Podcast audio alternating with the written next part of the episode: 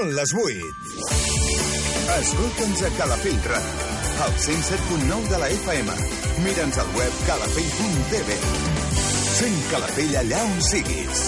Calafell Ràdio. 107.9 L'Hora del Jazz.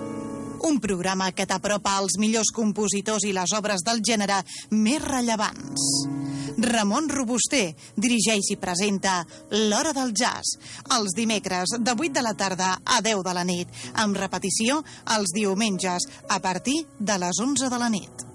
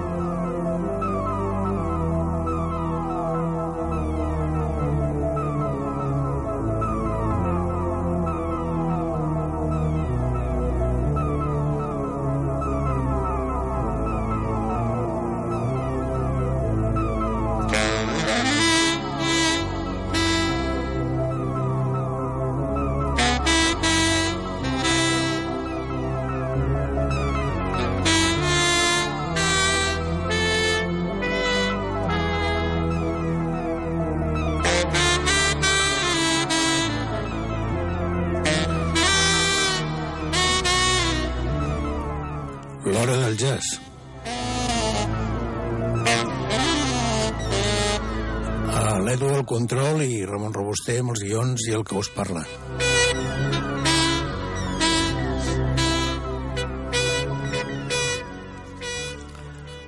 Aquesta edició de l'Hora del Jazz tindrem eh, un, un àlbum triple, un triple CD, en primer lloc, interessantíssim, i després un, un altre CD. Ho basarem bàsicament amb dos autors, tot i que hi ha més músics, però amb dos autors principals, totes les dues hores de l'hora del jazz.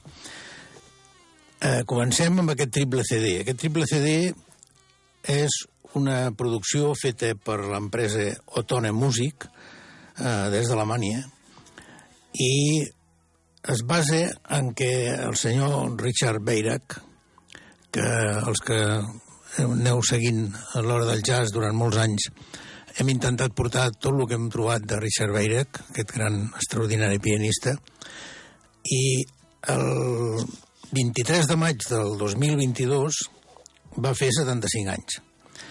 Aprofitant aquesta, aquesta, aquesta celebració del 75 aniversari de Richard Beirach, eh, l'editorial i, i ell eh, han fet una, una edició d'aquests tres CDs en el que hi ha una cosa que durant molts anys, 25 anys o més, ha estat eh, una, una, uns músics que l'han entornat, que sempre han estat a l'entorn de Richard Beirach i que amb ells té una gran amistat. Són el senyor Gregory uh, Huebner i el senyor Beit Huebner, que és el germà de l'altre, no? de Gregor. Uh, Gregor Huebner, eh, el seu, la seva base d'instrument és el violí i el Beit és el baix. El Gregor és un, no només és un gran violoncista, que ja és molt especial que amb la música nostra, la música de jazz, tinguem violoncinistes, ja sabem que n'hi ha hagut de molt bons, però no és un instrument que es dongui fàcilment com molts altres, no? sinó que és bastant especialitzat, és complicat i és un instrument que dona una versió diferent d'aquesta música que ens agrada. I, a més a més, és un gran compositor, és un extraordinari compositor. Uh, aquests tres àlbums hi ha tot tipus de, de, de músiques, hi ha tot tipus de, de peces. Hi ha una, una explicació, una sèrie d'explicacions interessants del mateix Richard Beirach uh, que, que dona en relació amb aquest àlbum i diu que, que ell, amb aquests dos germans, els va conèixer quan estaven estudiant fa, eh, fa el 1996, quan estudiaven junts. I diu que ja va notar que hi havia una cosa molt especial amb ells i amb els anys es va convertir pràcticament en el germà d'ells. No? Eh, va conèixer tota la seva família, bueno, hi ha una amistat molt, molt intensa. Eh, després ja comentarem els àlbums en els que han participat aquests dos germans. I la, la forma d'enfocar de, aquests tres àlbums, aquests tres CDs, que avui farem un repàs, eh, és, amb els dos primers està bàsicament eh, la música tocada per, per eh, el, el violí del, del Gregor i el piano de Richard Beira. Aquí, amb el tercer àlbum, intervé el baixista donant un, un, un, un ample diferent amb aquesta música que interpreten. Eh, hi ha peces clàssiques, hi ha peces de, de estàndards de jazz, eh, peces d'espectacle, improvisacions moltíssimes, eh, totalment lliures, i, i també hi ha moltes composicions pròpies. Després ho comentarem. Eh, tots sabeu l'afició de Richard Beira, que eh, compositors clàssics, i he passat, ha passat per, per programa de l'Hora del Jazz, eh, aquests àlbums dedicats a, a, a músics importants com, eh, per exemple, Montpou, no? Eh, escoltarem una peça de, de Montpou. Però jo d'aquests, en total, aquests tres àlbums tenen 31, 31 composicions.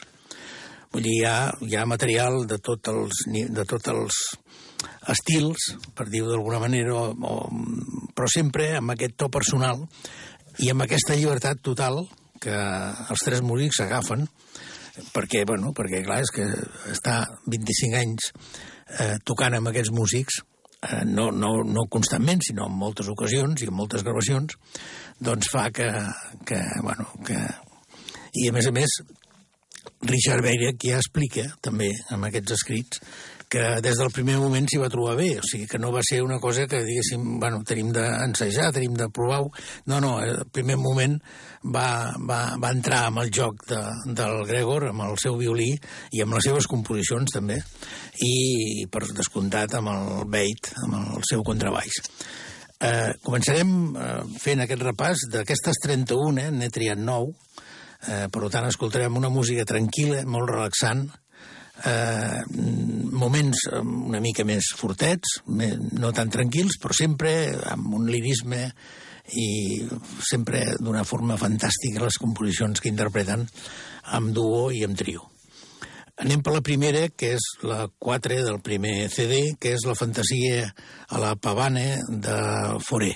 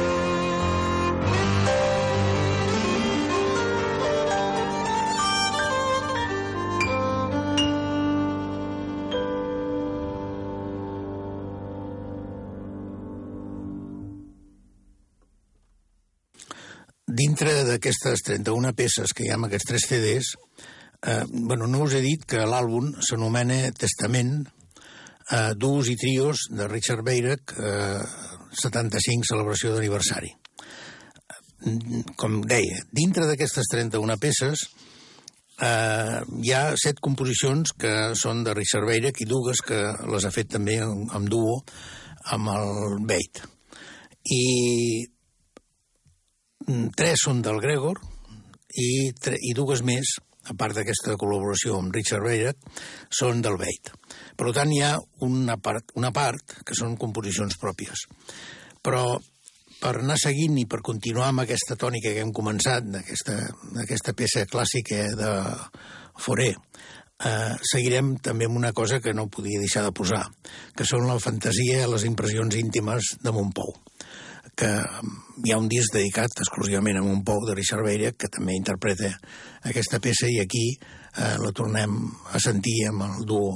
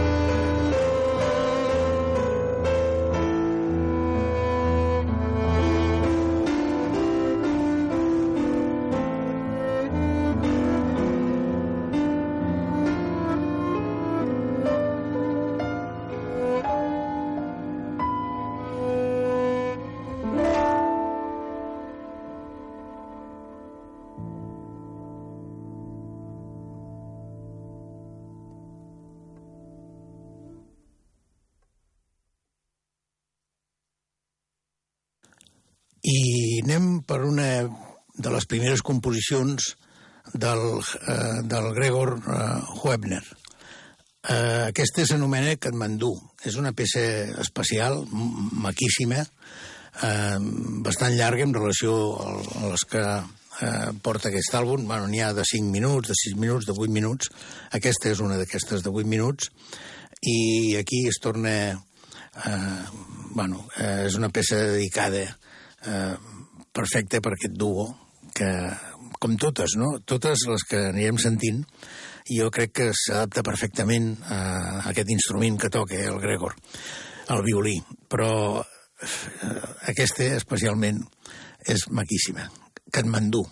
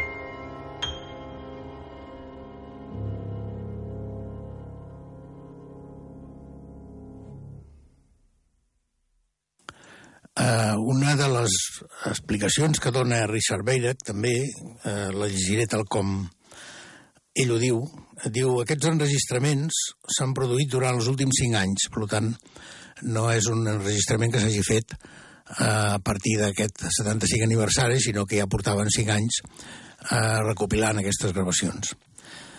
Uh, I demostra, en primer lloc, la nostra capacitat d'improvisar amb compositors clàssics, així com la nostra pròpia música i estàndards de jazz. Eh, és el que hem estat escoltant, no? Eh, eh, Montpou, Montpou, Foré, en fi. Eh, només hi ha dos tipus de música, la bona i la dolenta, al meu entendre, i crec que hem fet un uns àlbums molt bonics per l'oient. Eh, realment és així, és un àlbum divertit, hi ha moments eh, de peces conegudes, alguna la sentirem cap al final d'aquestes aquest, nou que hem triat de les 31 que hi ha a l'àlbum, els àlbums, i, i és, sí, realment és un àlbum molt maco per l'oient, això ho esteu, ho esteu escoltant i jo crec que us agrada. Uh, la composició que posarem ara és una de Richard Beira, que és la primera que he triat de les set que hi ha, ja us he comentat que abans hi havia set. Uh, aquesta s'anomena Zal, i aquí hi ha un, un solo fantàstic de, del Gregor amb el seu violí eh, que el fa, li, fa, li dona un so expressiu i líric fantàstic. Anem a escoltar aquest zal de Richard Beirac.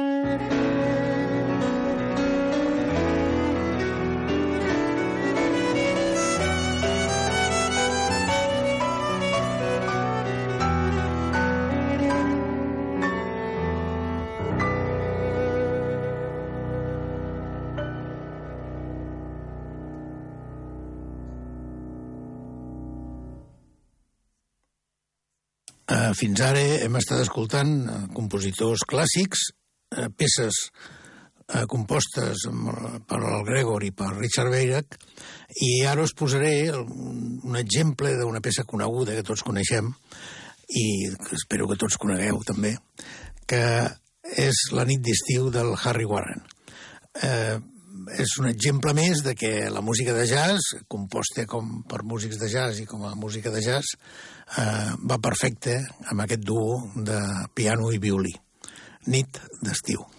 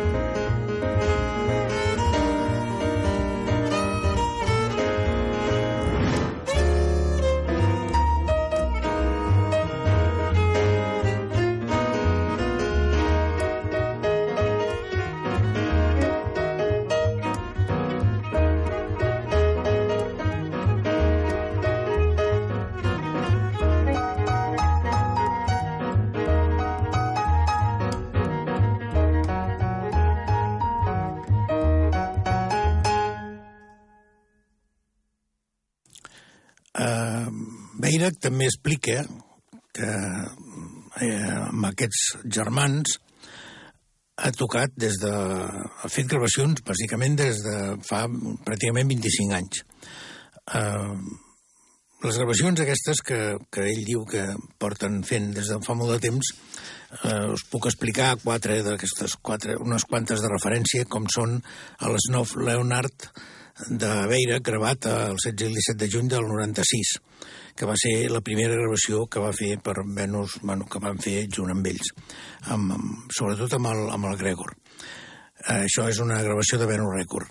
I continuant, hi va haver una sèrie mm, que la crítica la va posar molt alt, amb un nivell molt alt, que és dedicada al jazz clàssic, amb enregistraments pel segell alemany ACT, en el que hi havia un dedicat al Ron Nabut Bartok, l'altre dedicat a Montpou i l'altre dedicat a Monteverdi.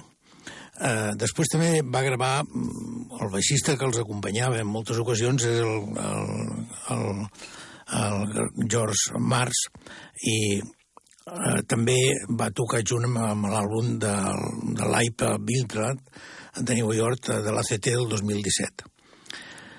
Eh, aquest quintet també tenia, com, poso com a referència, el Randy Becker, que, el trompetista, i, i, i també el baixista George Mars i el bateria Billy Hart. Uh, amb, aquestes, amb tots aquests àlbums intervenia el, el, el Gregor, el Gregor uh, Hubner. I és molt especial uh, que eh, amb, aquesta, amb aquesta recopilació hagin inclòs composicions del germà del Beit Humner, el baixista. Eh, aquesta, que escoltarem ara, és una peça fantàstica, maquíssima, que es diu per Isolda, i és d'ell, de, com, com a compositor. I aquí ja comença la intervenció. Estem parlant ja del tercer àlbum, i aquí comença la intervenció amb el, amb el duo, convertint-se en un trio, amb el Beit eh, eh, Humber. Anem a escoltar Parisolda, que és una peça meravellosa. Estem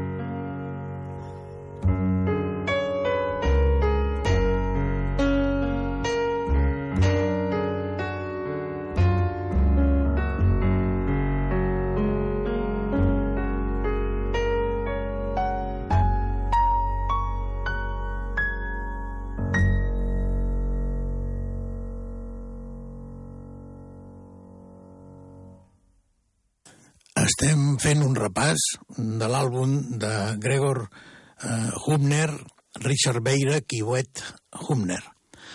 Eh, testaments, eh, és com s'anomenen aquests tres àlbums, eh, dedicats eh, al 75 aniversari de, de, de Richard Beirach.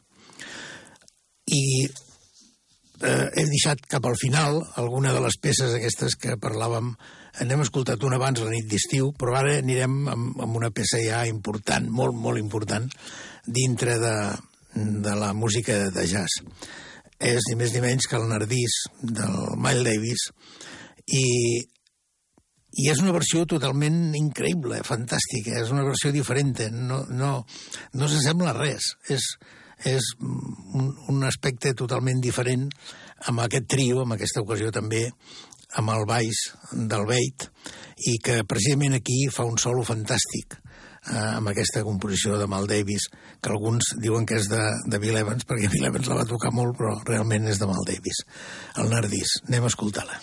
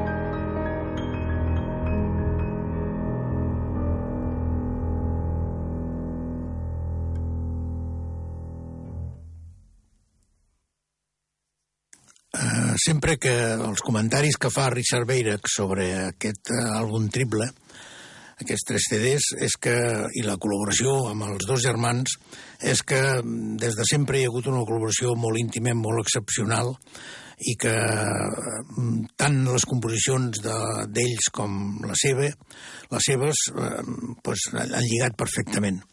Tot eh, fa un, tota una explicació interessant eh, amb, amb una entrevista que hi ha en una, en una de les webs que, que he mirat, que he buscat, eh, Jazz Blues News, i eh, diu que a ell li interessa molt explicar aquesta relació tan excepcional amb, amb aquests dos germans i, i personalment, no només com a músic, sinó com a, com, a, com a amics personals i la seva família, la seva germana d'ells també, en fi, tots. Perquè al final acaba dient que eh, pel, el, que pel motiu que parla d'aquest bagatge, d'aquesta cosa personal, és que amb el jazz, a diferència de la música clàssica, un 90% és improvisat.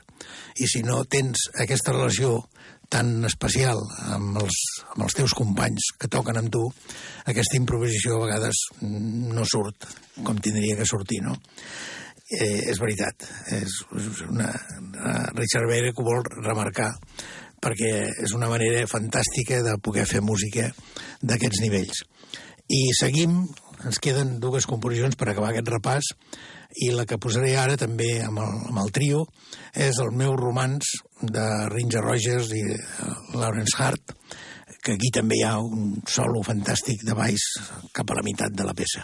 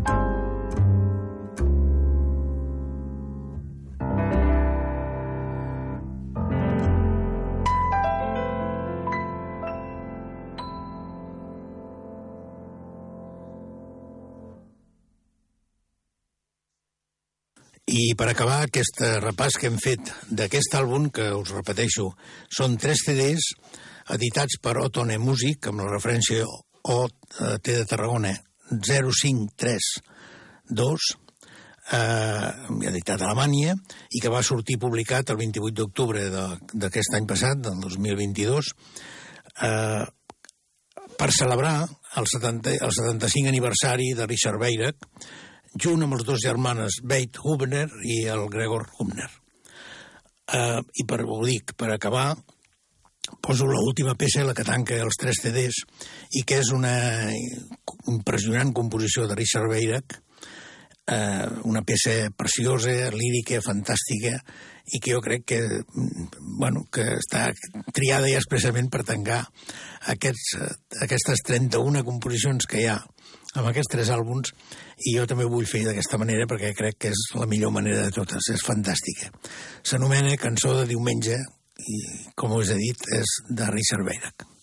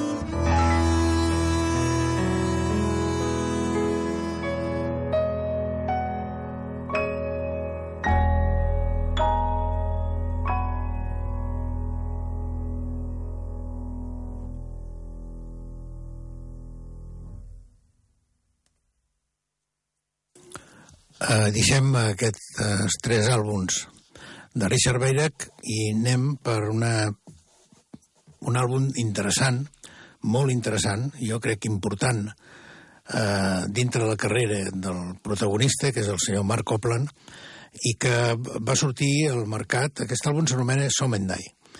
Eh, va sortir el 17 d'octubre d'aquest any passat, del 2022 és una producció de Inner Voice Jazz. Uh, I jo el que es posaré està en CD. No, no sé si hi ha versió de LP, en aquest cas no, no, tinc, no tinc les referències de l'LP. Uh, quartet de Mark Copland, amb ell amb el piano i com a productor d'aquest àlbum. Uh, Robin Bergierein amb el saxo i també com a saxofon i també com a productor Drev Grace el baix i Mark Ferber a la bateria. Estem parlant de Mark Copland, amb 74 anys, els, el Robin Bergienen, el belga, que és un personatge belga que també està per als Estats Units, amb 39, un saxofonista que m'encanta, eh, Drev Greff amb 63 i Mark Feber amb 48 anys. Hi ha una barreja una mica generacional, però jo crec que Mark Copland, que és el, el que està sempre la seva música flotant per damunt de tots aquests músics, està en el millor moment de la seva carrera, un dels millors, si no, i aquest àlbum jo crec que és importantíssim i que valdria la pena que el tingueu present per si us agrada la música de Mark Copland, perquè és una compra segura, fantàstica. Eh, són nou compos vuit composicions que hi ha, eh, algunes de Copland i altres alguns estàndards, i que d'aquestes vuit en repassarem quatre. Anem per la, per la primera, no vull eh, explicar masses coses més, després parlarem una mica de, del de, de senyor Mark Copland, però eh, eh, diu que algun dia vindrà el meu príncep. És una composició de Churchill i Morey, i una composició tran tranquil·la eh, que dona perquè cada un d'aquests músics faci el seu solo amb tota llibertat i sobretot el baix, que ja veureu que fa alguna, algun tros molt maco, el saxo també, tots en general, i sempre sota aquesta història que eh, en tot aquest àlbum i en molts àlbums de Mark Colpern està present. Ell hi és eh, eh, i d'ells que la seva música floti en l'ambient, no? estigui com a, com, a, com a volant per damunt de tots i portant-los una mica cap aquí, cap allà, però en fi, eh, Mark Colpern és molt especial. Mark Copland és eh, tot eh, una bellesa i una delicadesa increïble. Anem a escoltar, algun dia vindrà el meu príncep.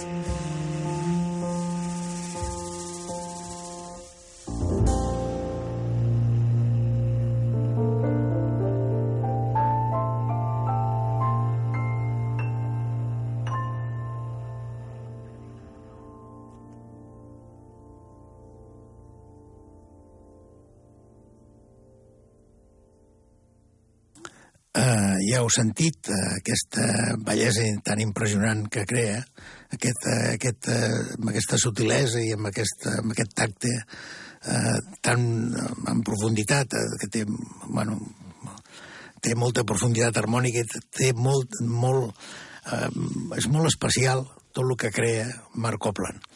Eh, hi ha sempre un, una... Sempre, sempre impressiona, sempre et deix bocabadat per la, per la bellesa que, que crea la seva música. I és curiós que, dic que parlaria una mica de Marc Copland, eh, només vull dir que als 7 anys va començar a estudiar el piano, fins als 10, i llavors l'escola on estava va donar classes de saxo i ell s'hi va apuntar fins al 1973 que que va dir que tornava al piano perquè el saxo, amb el saxo no podia expressar les seves composicions. Eh, ha sigut una sort aquest canvi, no?, perquè realment és un dels pianistes grans, dels millors pianistes que hi ha actualment i que podem gaudir d'ell amb aquestes gravacions fantàstiques com la que estem escoltant avui. Eh, la segona que us posaré, de les vuit que hi ha, totes se podien posar. Per l'hora del jazz té té un, dues hores, que són moltes, per aquesta música, i eh, lamentablement hem de triar. Però bé, jo crec que he fet una petita tria d'aquestes quatre que seran bastant representatives. I ara us vull posar eh, coses que giren, que és una de les que hi ha amb molta potència i energia i que és, com no, una composició de Marc Copland.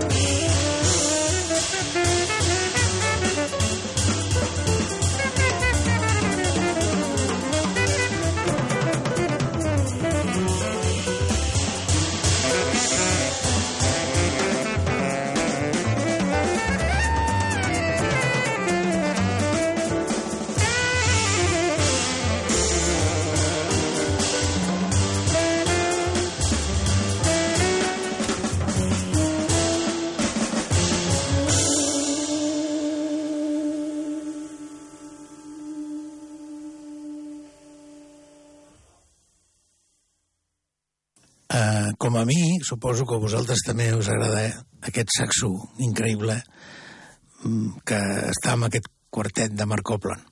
El senyor Robin eh, Verheyen eh, és un músic fantàstic que jo crec que aquest to que té eh, de, de, del saxo, aquesta manera de tocar, eh, va perfecte amb la música de Mark Copland.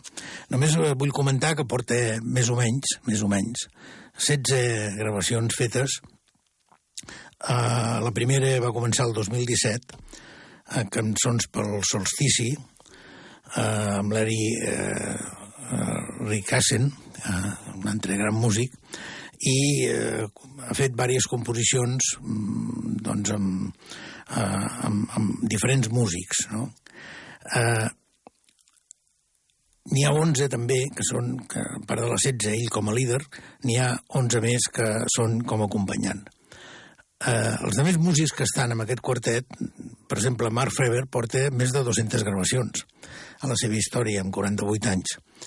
Eh, són tots extraordinaris, no cal dir Aquí hi ha una llibertat total, hi ha, bueno, cada músic eh, ha passat per molts músics, ha tocat amb molts músics, i aquest, aquesta unió amb Mark Copland jo la trobo eh, realment increïble. I com que jo crec que el que val la pena és escoltar la música de Mark Copland, més que altres que hi ha, que no són... Hi ha, per exemple, una de Thelonious Monk, amb aquest àlbum. Eh, bueno, n'hi ha també una del, del, que no la posarem, del saxofonista. I dues n'hi ha del saxofonista. I, I després hi ha una que sí que la posarem, que, que és la de, del Nardís, que ja hem escoltat amb la versió anterior del Richard Beirac, però que aquesta és tan fantàstica que no, no podia deixar de, de posar-la. Ara anem per una també d'ell, del Mark Colban, que es diu Nit i dia. Aquí el solo del Robin Verheyen és fantàstic, impressionant eh, quasi l'he posat per això, a part que la composició de Marc Copland és també molt maca. Nit i dia.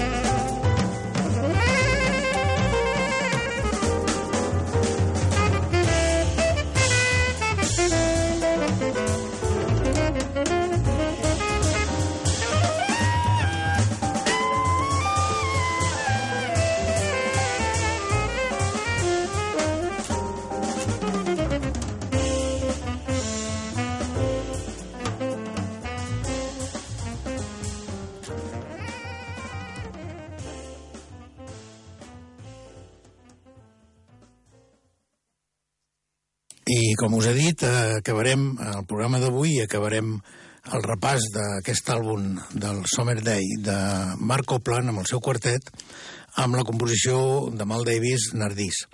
És una versió totalment diferent, fantàstica, eh, amb un acabament, amb un solo de baix de, del Def Gris meravellós i la bateria fa també com una espècie de solo en el que es van incorporant tots cap al final, tots el del grup per acabar de forma genial. Jo crec que està pensada precisament per això, per acabar aquest, aquest repertori de vuit peces d'aquest meravellós àlbum de, de Mark Copland. Aquest àlbum és el que presenta l'actuació la, la, que va fer durant el, amb sis concerts d'aquest any passat a Hamburg, a Luxemburg, a Múnich, a Bèlgica, a Charleroi, a Bèlgica, a París i a Roma, presentant aquest disc que va fer aquesta ruta des, de 11, des del 30 de novembre fins a l'11 de desembre d'aquest any passat. Eh, és una ocasió que no podeu perdre de comprar aquest àlbum del Marc Copland. Anem a escoltar el Nardís. Mm -hmm.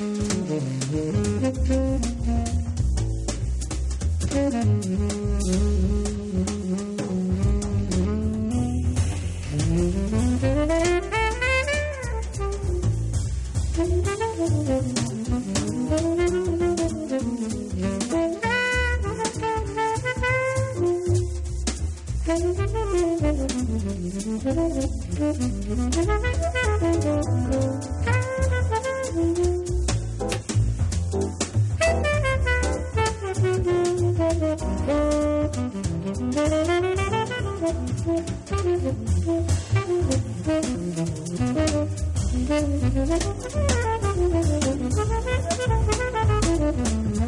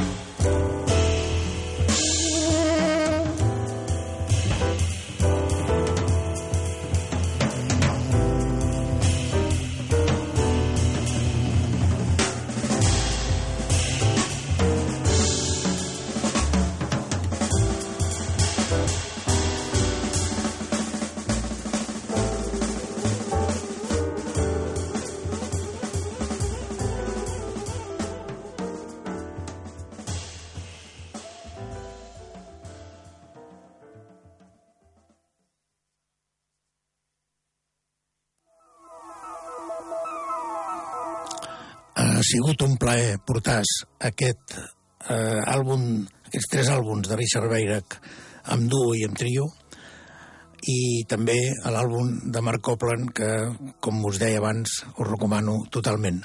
L'Edu està del control eh, i, com sempre, que sigueu bons i, sobretot, escolteu jazz.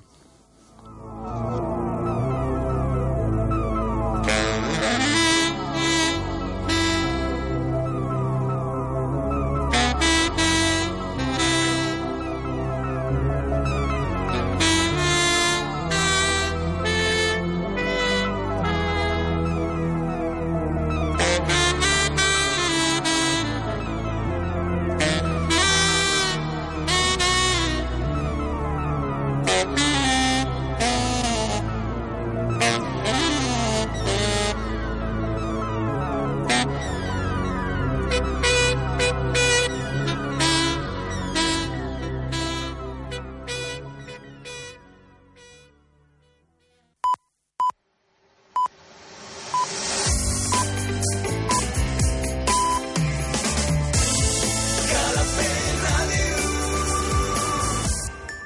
les 10.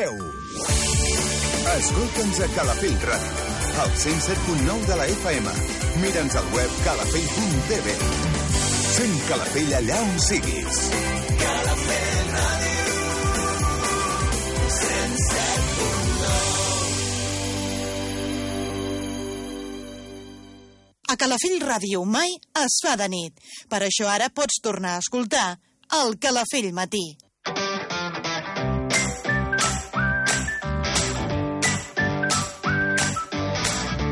De 9 del matí a 1 del migdia,